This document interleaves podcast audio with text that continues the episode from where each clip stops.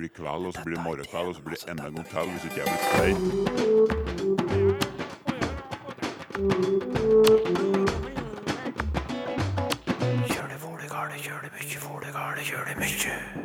Før jul lanseres en nyhet for alle språkinteresserte.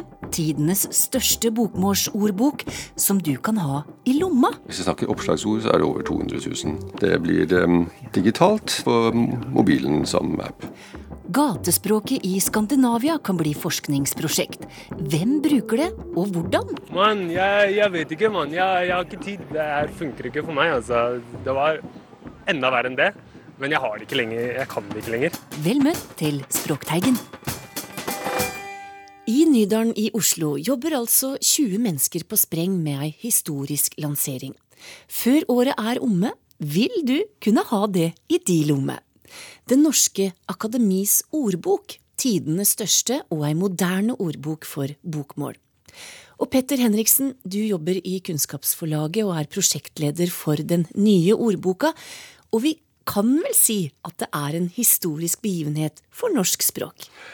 Alle språk med respekt for seg selv skal jo ha en nasjonal ordbok. Engelsk har det med Oxford, og svensk med Svenske Akademiens ordbok, og dansk også nynorsk. Så nå får også bokmål det. Og det var historisk da det skjedde i eh, andre land, og når det endelig skjer i Norge for bokmål, så må vi absolutt si at det er historisk. Men hva skiller denne fra ordbøker vi allerede har for bokmål? Ja, én ting kunne være størrelse. Dette her blir enormt. Eh, De ordbøkene vi har eh, nå, er ettbindsordbøker, og dette her blir iallfall ti ganger større enn det. Hvis vi snakker oppslagsord, så er det over 200 000. Ellers så er det altså da en eh, ja, kan- Kanskje noe av kjennemerket blir, i tillegg til at det har alt det ordbøker pleier å ha, så har det en eh, skattkiste med sitater fra litteraturen fra Wergeland og frem til Knausgård som viser hvordan ordene brukes. Hvorfor er det viktig? Kanskje det er viktig fordi det er utrolig eh, interessant og morsomt å se språket i bruk hos eh, he hele rekken av norske forfattere fra Wergeland til, eh, til Knausgård. Ordbøker kan jo være ganske kjedelige, men gjennom alle disse sitatene så levendegjør det språket på en veldig ålreit måte. På deilig så kan man da eh, se at det brukes av eh, Ibsen i En folkefiende. Ah, hvilke deilige sjikaner jeg skal lage ut av dette her. På em, ja, på der kan du liksom se at Knausgård eh, har brukt det i Min kamp sjette bind. Hun la armen rundt meg og ville kysse meg, jeg bøyde meg unna. Jeg er ikke helt der, sa jeg. Eh, Dette er viktig fordi det levendegjør språket. Og dette her blir kun en digital ordbok, ikke sant? Korrekt. Det blir um, digitalt. Det kommer på internett. uh, fritt tilgjengelig for uh, alle. Ja, og du kan rett og slett ha den i lomma di. Ja, på mobilen som app. Den store lanseringsdagen for den nye ordboka er 24. januar neste år.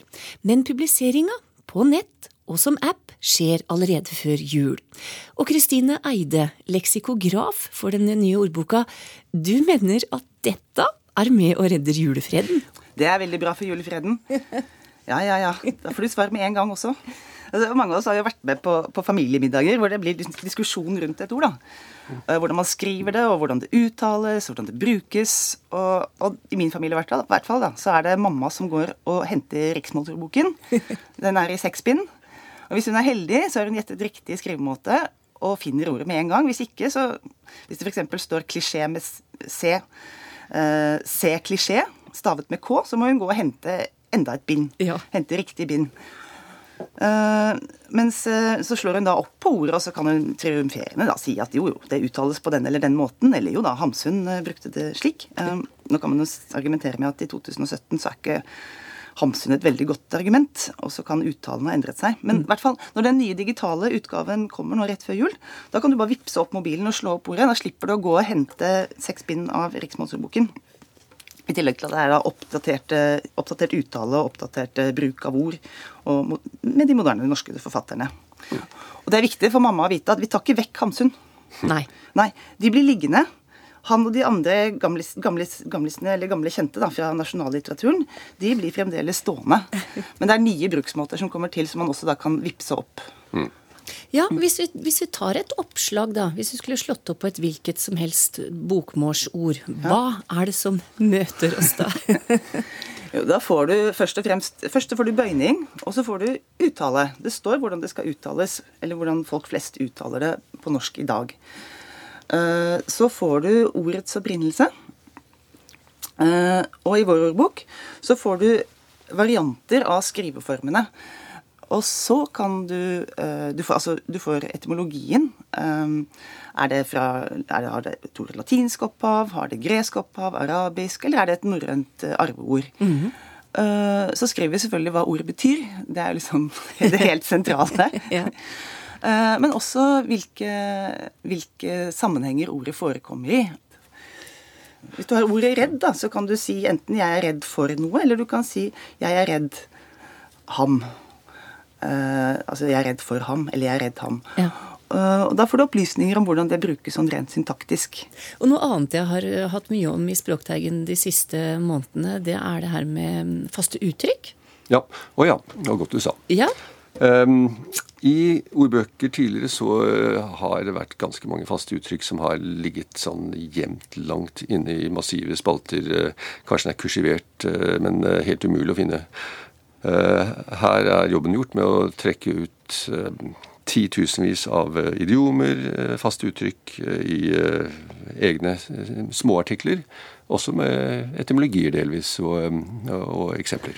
Uh, ja, for eksempel, Jeg leste for noen somre siden Brekkestøbrevet av Nils Kjær, og da sto det en overskrift 'Gakk til myren og bli vis'. Ja det, da kan, kunne man jo tro at det hadde noe med en sånn sumpaktig naturfenomen å gjøre. Men hvis man slår opp i vår ordbok, så får du for det første vite at det heter ikke, det heter ikke myren, det er myren det er snakk om. Altså en, en dansk versjon av maur. Så du blir henvist til ordet maur. Og hvis du da går til ordet maur, så får du vite at det, det moderne uttrykket det er 'gå til mauren og bli vis', og at det er da Eh, et bibelsitat fra Salomos ordspråk. Og det kommer jo eh, masse nye uttrykk til i språk. Elefanten i rommet, ikke akkurat noe ja. fruktfat, høy og mørk, bratt læringskurve. Alt dette kan ja. slå på. Mm. Det har vært en lang vei fram. Hvor lenge har det holdt på? Ja, det har vært en lang og ganske fascinerende vei fram. Vi begynte sånn rundt år 2000. Ja. ja. Da var det relativt i det små, fordi det tok tid før um, det ble noe særlig nivå på finansieringen. Som det kom først i 2015 ordentlig. Det vil si et lite løft også rundt 2010. Eh, og nå eh, er vi kommet så langt som at det er 20 eh, skarpskodde leksikografer som sitter og redigerer for harde livet frem mot publiseringen nå oppunder jul. Ja. Da, og da er det slik at denne lanseres med brask og bram, Petter. Og mm. så kommer dagen etter og årene mm. framover. Ja. For nå har det ikke vært mange som har jobba for å lansere en ordbok. Men ordbøker må jo vedlikeholdes, de må røktes, de må kanskje videreutvikles. Hva skjer etter det? Ja, jo, eh, ikke bare det du sier, men eh, det skjer faktisk ganske mye mer enn det også etterpå. For dette her er en eh, totrinnsoppgave. I denne omgangen så er det altså da en total revisjon og modernisering av, av Den norske riksmannsordbok. Men så i neste omgang, basert på dette innholdet, så skal vi fange inn hele det moderne bokmålet slik det faktisk brukes skriftlig i dag i et digert samarbeid med Nasjonalbiblioteket, som sitter på hundretusenvis av digitaliserte verk og aviser. Og disse bare venter på å bli dissekert og brutt ned i ordbokform. Så det skal vi gjøre sammen med Nasjonalbiblioteket og Universitetet i Bergen i det som heter Bro-prosjektet, som da kommer eh, etter 2017. Og hva skal da komme ut av det, da? Da kommer det en, eh, altså Dette blir et nettsted som da kobler ordboken opp mot disse, den enorme tekstmengden i Nasjonalbiblioteket. Og øh, eh, ja, jeg, å si, jeg, jeg, tror dette blir eh, egentlig eh, unikt også i europeisk sammenheng, fordi eh, det er ingen land som har Norges mulighet, som har det som Nasjonalbiblioteket har gjort. De har digitalisert nær sagt alt som er publisert, publisert og muligheten til å koble opp en ordbok mot det er unikt for Norge. Du, du, lurer på kan et ord kanskje bety sånn og sånn, og så skulle du sitte og lese gjennom alle, alle papirbøkene. Det hadde jo ikke gått. Det er ikke mulig. Men, eh, men, med dette her så kan vi da eh, bare slå opp på ordet og få treff i denne store databasen. Alle ordbokforfattere har jo hittil i historien egentlig bare måttet gjette på hvordan språket er, eh, altså, og bruke sin egen språkstans og, og dem rundt seg. Og nå eh, har vi muligheten til rent empirisk å fange opp språket slik det faktisk eksisterer. Prosjektleder Petter Henriksen og leksikograf Kristine Eide fortalte om Det norske akademis ordbok, som kommer like før jul.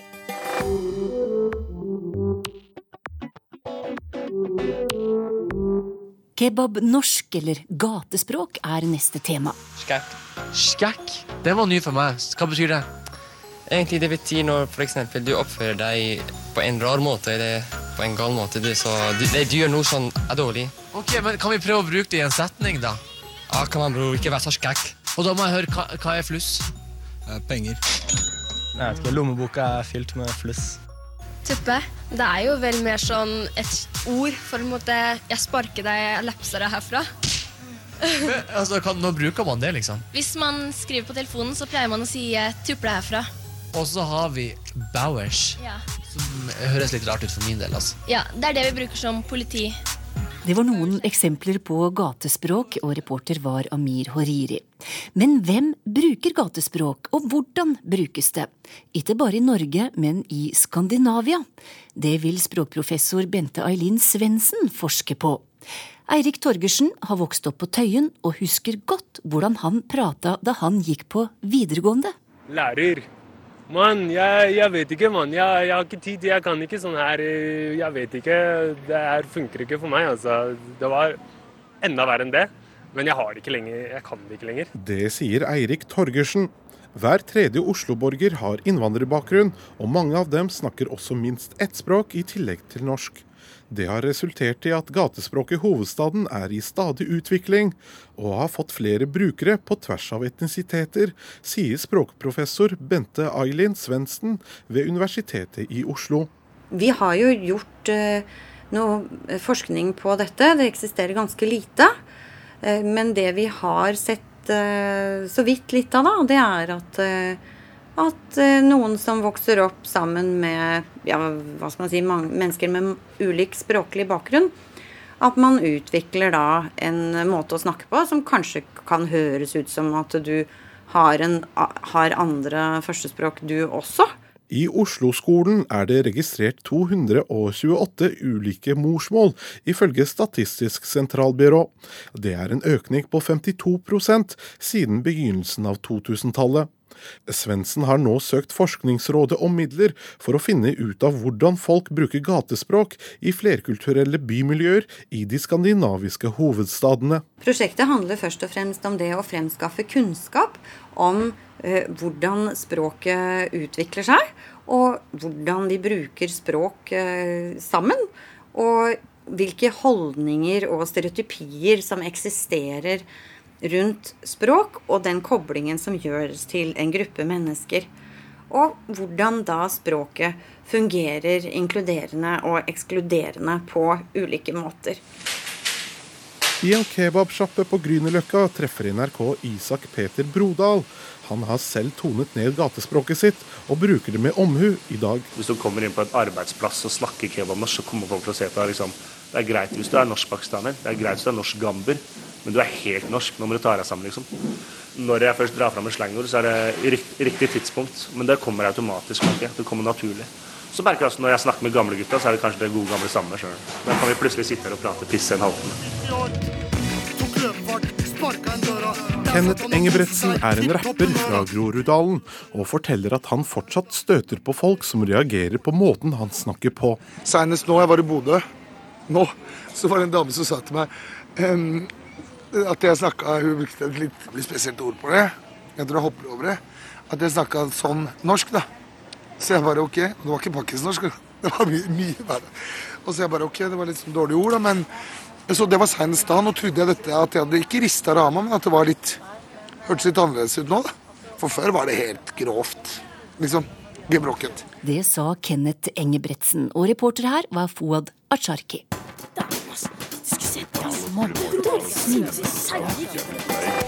Som vi hørte, så får faste uttrykk en rik plass i Det norske akademiets ordbok, som lanseres snart. Men det er òg noe Språkteigen får mange spørsmål om. Lise Fimreite Simensen lurer på uttrykket hist og pist. Hvor kommer det fra? Og lingvist Georg Kjøll, du er mannen som får svaret. Det har et eh, opphav i norrønt, i utgangspunktet fra eh, et ord som også eh, fantes i mer moderne norsk, hisset, som betyr der borte. Og det kommer igjen fra et norrønt ord hisi, som betyr der i sammensetning med at. Så da ble det til der borte. Og hist og pist blir jo et litt sånt ubestemt steds, stedsuttrykk. Her og der, eller ja, der og her. Så det blir en, en, litt sånn det vi tidligere har kalt en forsteinet variant da, av den moderne måten å si det på. Eh, pist eh, er litt vanskeligere å eh, ja, tidsfeste og, og, finne ut av hvor, hvordan det har havnet her.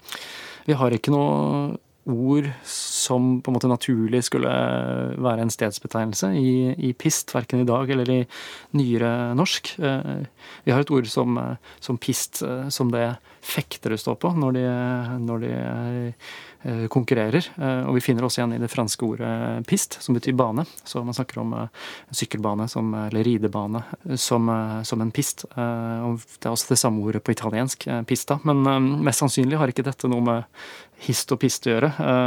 Og det er også Det er, mulig, kanskje lettere å se for seg at det har noe med det lydmalende ordet pist, som vi også finner i, i noen skriftlige kilder. Um, som også ofte er skrevet pst, PST. Mm. Uh, som vi da bruker for å påkalle noens oppmerksomhet. Men uh, det, er, det, er et, det, er, et, stort skritt altså fra, fra det til, til, denne stedsbetegnelsen vi har i, i, hist og pist. det er også noen som har foreslått at det kan ha noe med dialektordet pist og adjektivet pistrete å gjøre. Som handler om noe som er litt tynt og flisete, ofte, ja, ofte hår. Så eh, det, det, er på en måte der vi har å lete etter eh, pist i mer sånn moderne, moderne norsk. Men eh, mest sannsynlig, så hvis jeg skal gjette, uten at jeg er helt 100% sikker på dette, så er nok dette uttrykket tatt inn i Eller dette ordet pist er tatt inn i hist og pist pga. enderimet, med en litt sånn vanlig vanlig mekanisme som vi finner igjen mange steder i språket. Jeg nevnte her og der, som eh, lyd som eh, måte, passer fint sammen. Eh, rytmisk og, og lydmessig og betydningsmessig ofte, da, men kanskje her bare rett og slett er et, et litt sånn plassholderord. En som bare passet sammen med hist, og så etablerte det, som, etablerte det seg som et uttrykk. Så det er noe språket har? Sånn, en sånn måte å operere på? Eh, ja, vi finner det igjen eh, overalt, egentlig, når vi begynner å, å, å, kikke. Vi snakket eh, tidligere om eh, dann og vann i et, et program. det er også et eksempel på det samme. I, I, litteratur og språkforskning så snakker man om dette som paratagmer. Parataktisk uttrykk, som er ja, uttrykk eller setninger hvor du har like syntaktiske størrelser på hver side av en enhet. F.eks. en konjuksjon, da, som og, som vi, som vi, har her. Eh, det kan være hele setninger, eller det kan være delsetninger, eller det kan være enkeltord. Og eh, disse uttrykkene, altså hist og pist, eh, dann og vann, er eksempel på paratagmer som i likhet med andre faste uttrykk ikke kan endres på. Så man skulle tro at frittstående elementer på hver side av en konjunksjon, eller ja, ting som eksisterer for seg selv i, som selvstendige deler av en setning, skulle bare flyttes rundt på. Men uh, det går ikke når vi har med faste uttrykk å gjøre. Så du kan ikke snakke om uh, pist og hist eller uh, vann og dann. like litt som du kan snakke om begynne å variere på sånne faste uttrykk som lys i enden av tunnelen, og snakke om lys i enden av den lange, mørke tunnelen, eller Det er et eller annet med disse faste uttrykkene som gjør at det gir motstand når vi prøver på dette her. Har vi flere eksempler? Ja, eh, det, er, det er, eh, Jeg vet ikke, jeg har ikke gjort noen opptelling, men eh, jeg vil tro at det er mange hundre eksempler av dette på norsk. Både av disse paratagmene som man kan bytte om på, som man kan si både opp og ned, eller både ned og oppe. Det er også et sånt parataktisk uttrykk som man kan flytte rundt på. Men, men de som er faste, er jo litt artige, da. Og hvis vi begynner å lete, og hvis vi begynner spesifikt å lete i en veldig fin artikkel som lingvisten Svein Lie har skrevet om dette, i Eh, mål og minne. Eh, det er en gammel artikkel fra 1982, men han har lagt den ut på nettet. Så eh, hvis man googler Svein Lie og tittelen på artikkelen, som er 'Likt og ulikt om ditt og datt', så, så finner man en hel, en hel samling da, hvor han sier også litt om hva, er, hva kan være mulige årsaker til til dette fenomenet. Og han gjør en veldig fin inndeling i ulike sånne parataktiske uttrykk. Og der er det ja, der er det bare å kose seg hvis man syns sånne ting er morsomt. Man snakker om uh, uttrykk som er uh, substantiver, så man kan snakke om død og pine, død og plage, flo og fjære, folk og fe, form og farge. Lukt og råte, fyll og fest. Man kan legge merke til at mange av disse har jo også bokstavrim i seg. Og de ligger veldig godt i, i munnen, sånn uh, rytmisk og lydmessig. Så uh, det gjør at de fester seg i språket. Så vi kan snakke om hus og hytte, eller jakt og fiske, eller kjas og mas, uh, som også er enderim. Da, kjøtt og blod, klabb og babb, klynk og klage, knall og fall. som alle er eksempler på, på sånne substantive uttrykk. Vi har også adjektive uttrykk, eller adverbiale uttrykk, um, som inneholder ting som evig og alltid, godt og vel, gul og blå her og der, som jeg nevnte. Og her hører også hist og pist hjemme.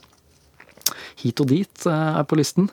Eh, kort og godt kan vi snakke om. Lek og lærd, lenge og vel, regn og skjær. Rett og riktig, rett og slett. Seint og tidlig, sur og gretten, sur og tverr. Titt og ofte, tjukk og feit. Vel og ille, vel og vakkert, vill og gal. Som har alle uttrykk vi kan kjenne igjen fra, fra dagligtale, men som har denne morsomme egenskapen. Mm. Eh, som en siste type uttrykk så snakker Svein eh, Lie om eh, verbale paratagmer. Hvor det er verb som utgjør disse, disse, uttrykkene. Så vi kan snakke om å rive og slite, eller ryke og reise. Eller vente og se, eller vri og vende. Eller skalte og valte, som alle er, er eksempler på, på dette her vel av eksempler, altså. Ja, det er helt, helt utrolig. Så jeg anbefaler alle å, å søke opp uh, Sveins veldig fine artikkel, og, og så får man uh, en litt morsom eh, og veldig systematisk gjennomgang. Hva med tæring etter næring, er det det samme? For det skal vi inn på nå. Ja, Det er ikke helt det samme, fordi, um, fordi der har du uttrykket 'sette tæring etter næring'. Ja. Uh, så du må på en måte gjøre du må på en måte ha med den settet. Så hvis det bare hadde vært tæring etter næring, så kunne det vært et eksempel. Men det er uh, Forbindelsen er jo på en måte at um, du har den faste rekkefølgen. Grunnen til at jeg spør om tæring etter næring, er jo at jeg har fått et brev om det fra Otto Prytz, som først skriver at han syns det er artig med faste uttrykk, og han har som regel klart for seg hvordan de skal lyde. Men så sier han at det hender at det bevisst eh, tuller med dem og blander for å være morsom. Jeg kan f.eks. si at noe går som varmt hvetebrød i tørt gress. Og dette er det flere som har skrevet om, og Georg, vi liker å leke litt med dem. Ja, det, det er en eh, sånn fin, eh, fin, kilde til humor, eh, det der. Og en fin måte å, å vise at man behersker språket på. Og så Kanskje jeg er partisk siden jeg har jobbet med dette her de siste 20 årene, men jeg syns det er veldig, veldig, gøy. Veldig bra, bra humor. Og så har jeg fått veldig mye tilbakemeldinger på, på dette her, jeg også, etter at jeg skrev en, skrev en bok om, om temaet. Og ja. i utgangspunktet snakker om dette som misforståelser. Og jeg vil tro at for de aller fleste, når de bommer med uttrykk, så er det fordi de er vanskelige, og man har ikke helt uh, oversikten over hvor de kommer fra. og Da er det små nyanser da, som gjør at de blir veldig, veldig rare, eller man blander sammen to, uh, to uh, uttrykk som har ganske likt innhold. ja, man, man, gjør det med et litt sånn glimt i øyet og et lurt smil om munnen. Så jeg vil ikke påstå at det alltid skjer som resultat av misforståelser, sånne sammenblandinger. Men ofte gjør det det, og innimellom så, så er det en sånn artig, artig ting, da. Mm. Men så skriver Otto at ett uttrykk har han problemer med, og det er altså det her å sette tæring etter næring.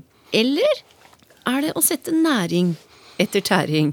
Han tror det er det første som er riktig, men han vil gjerne få det bekrefta. Ja, det kan, jeg, det kan, jeg, godt bekrefte, selv om jeg må innrømme at jeg sliter med det selv. Jeg syns det er et vanskelig, vanskelig uttrykk. og det det betyr, det er et hint om hvordan man skal si det. For det, snakker, for det betyr at man ikke skal bruke mer eh, enn man eier eller har råd til. Så man skal ikke ha et større forbruk enn det man faktisk eh, tjener. Og da kan man se på innholdet i uttrykket og se at eh, ja, tæring er, er, det som skal tilsvare forbruk her, og næring er det som eh, på en måte blir inntjeningen. Og Eh, faste uttrykk, i den, grad de, i den grad de er ugjennomsiktige, veldig mange av de, så gjør det jo at de er vanskelig å forstå. altså at Det er vanskelig å analysere seg fram til hva eh, det skal bety bare på bakgrunn av ordene. Men her er det en sånn, litt, et litt sånn grensetilfelle, da. Fordi vi hører det, sette tæring etter næring, så tenker vi kanskje ikke over innholdet. Men eh, vi bruker ordene tæring og næring eh, i sammenhenger som ligner. Eh, så her er det mulig å sette seg ned og analysere seg fram. Da. Eh, det er ikke så ofte man har tid til det i en, eh, i en samtale, men uh, da bare renner det, renner av tungen. Men, men, tæring handler jo om og det å slite på eller løse opp noe eller etse opprinnelig. Og næring kjenner jo på en måte fra næringsliv og, mm. og, og tilsvarende ord. Tære er et uh, interessant ord i og for seg, fordi uh, det har hatt sitt eget liv i, i norsk og i, i, vår kultur de siste, siste 100 årene, eller siste par, tre, fire, 500 årene. Og Det er opprinnelig et låneord fra middelnedertysk. Uh, teren, som betyr å fortære eller forbruke. Uh, og så er det noen som sier at dette allerede skal være kommet inn i norrøn tid uh, som tæra, uh, altså ordet tæra, og med en betydning som er å gi ut og bruke opp. Og vi snakker fortsatt i dag om at noe tærer på, mentalt eller kroppslig.